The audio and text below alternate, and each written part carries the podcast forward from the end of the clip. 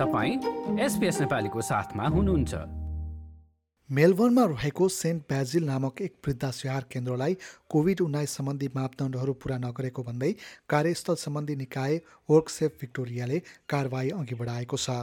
दुई वर्ष अघिको एक घटनामा कामदारलाई कोभिड उन्नाइस सङ्क्रमण देखिएपछि उक्त संस्थाले सुरक्षा सम्बन्धी आवश्यक कदमहरू नचालेको आरोपसहित उक्त संस्थामाथि कारवाही गरिएको हो। वृद्धास्याहार केन्द्रमा छयानब्बे जनामा सङ्क्रमण भएको र पैँतालिसजना बासिन्दाले ज्यान गुमाउन पुगेको बताइएको छ। मोनास विश्वविद्यालयमा स्वास्थ्य सम्बन्धी कानुन एवं अनुसन्धानमा संलग्न प्राध्यापक जोसेफ अब्राहिम सेन्ट ब्याजिल कारवाहीमा पर्नुको कारण आवश्यक मात्रामा व्यक्तिगत सुरक्षा उपायहरूको प्रयोग नगर्नु भएको बताउँछन् They focused primarily on the provision and use of personal protective equipment. So they were very, very narrow in what they looked at um, and very specific. यस घटनाले समस्याग्रस्त वृद्धास्याहार केन्द्रका थप व्यतिथिहरूलाई उजागर गरिदिएको छ। जब अस्ट्रेलियामा कोभिड उन्नाइसको सङ्क्रमण भर्खरै मात्र देखिएको थियो केस सङ्ख्या निकै कम थिए र मृत्यु सङ्ख्या पनि न्यून थियो।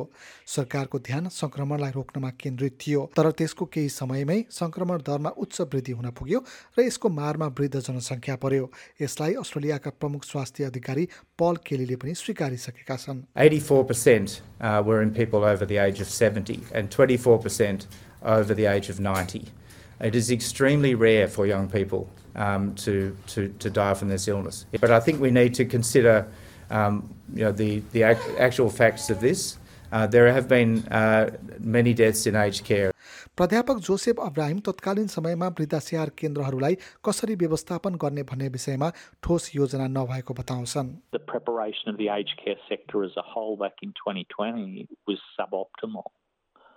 Um, and people were not trained, and we didn't have infection control procedures that were strictly adhered to um, for many years prior. And we know that from the outbreaks of influenza, gastroenteritis And we know there had been problems in the sector before. यसको लगत्तै संसदमा भएका सुनवाईका क्रममा तत्कालीन मन्त्री Richard कोलबेक र सरकारमाथि वृद्धास्याहारका कामदार र बासिन्दाहरूलाई खोप वितरणमा बेवास्ता गरेको आरोप लागेको थियो Senator Colbeck, I'm asking you, when will you know how many workers in aged care have been vaccinated? Uh, It is an important question. It is an important You are question, responsible. 84% of patient zero in the last outbreak in Victoria, in the last aged care outbreak, were from staff.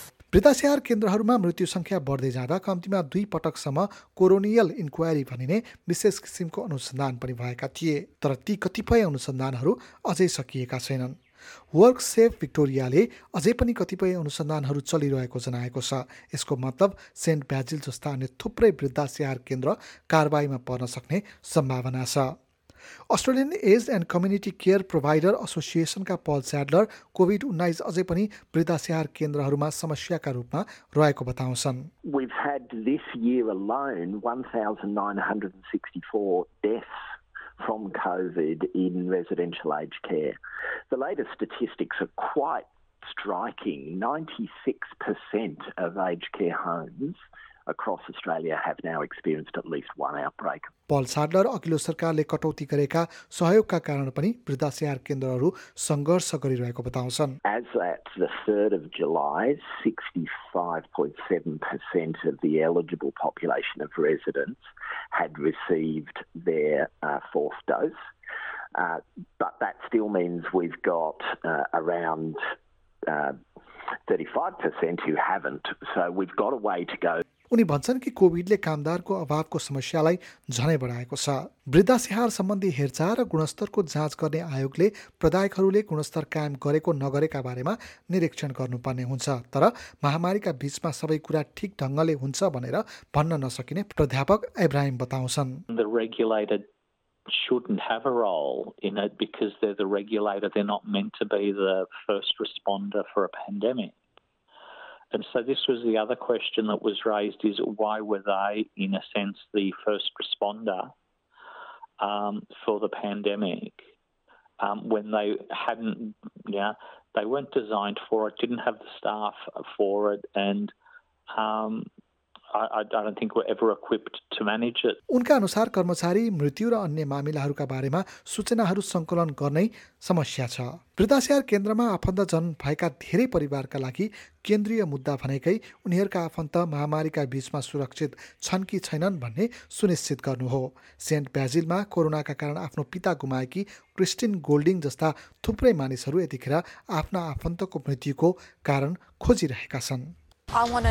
the true story told about what happened at St Basil's, what happened to our loved ones, the suffering, the neglect that they experienced. So I want the truth to be told.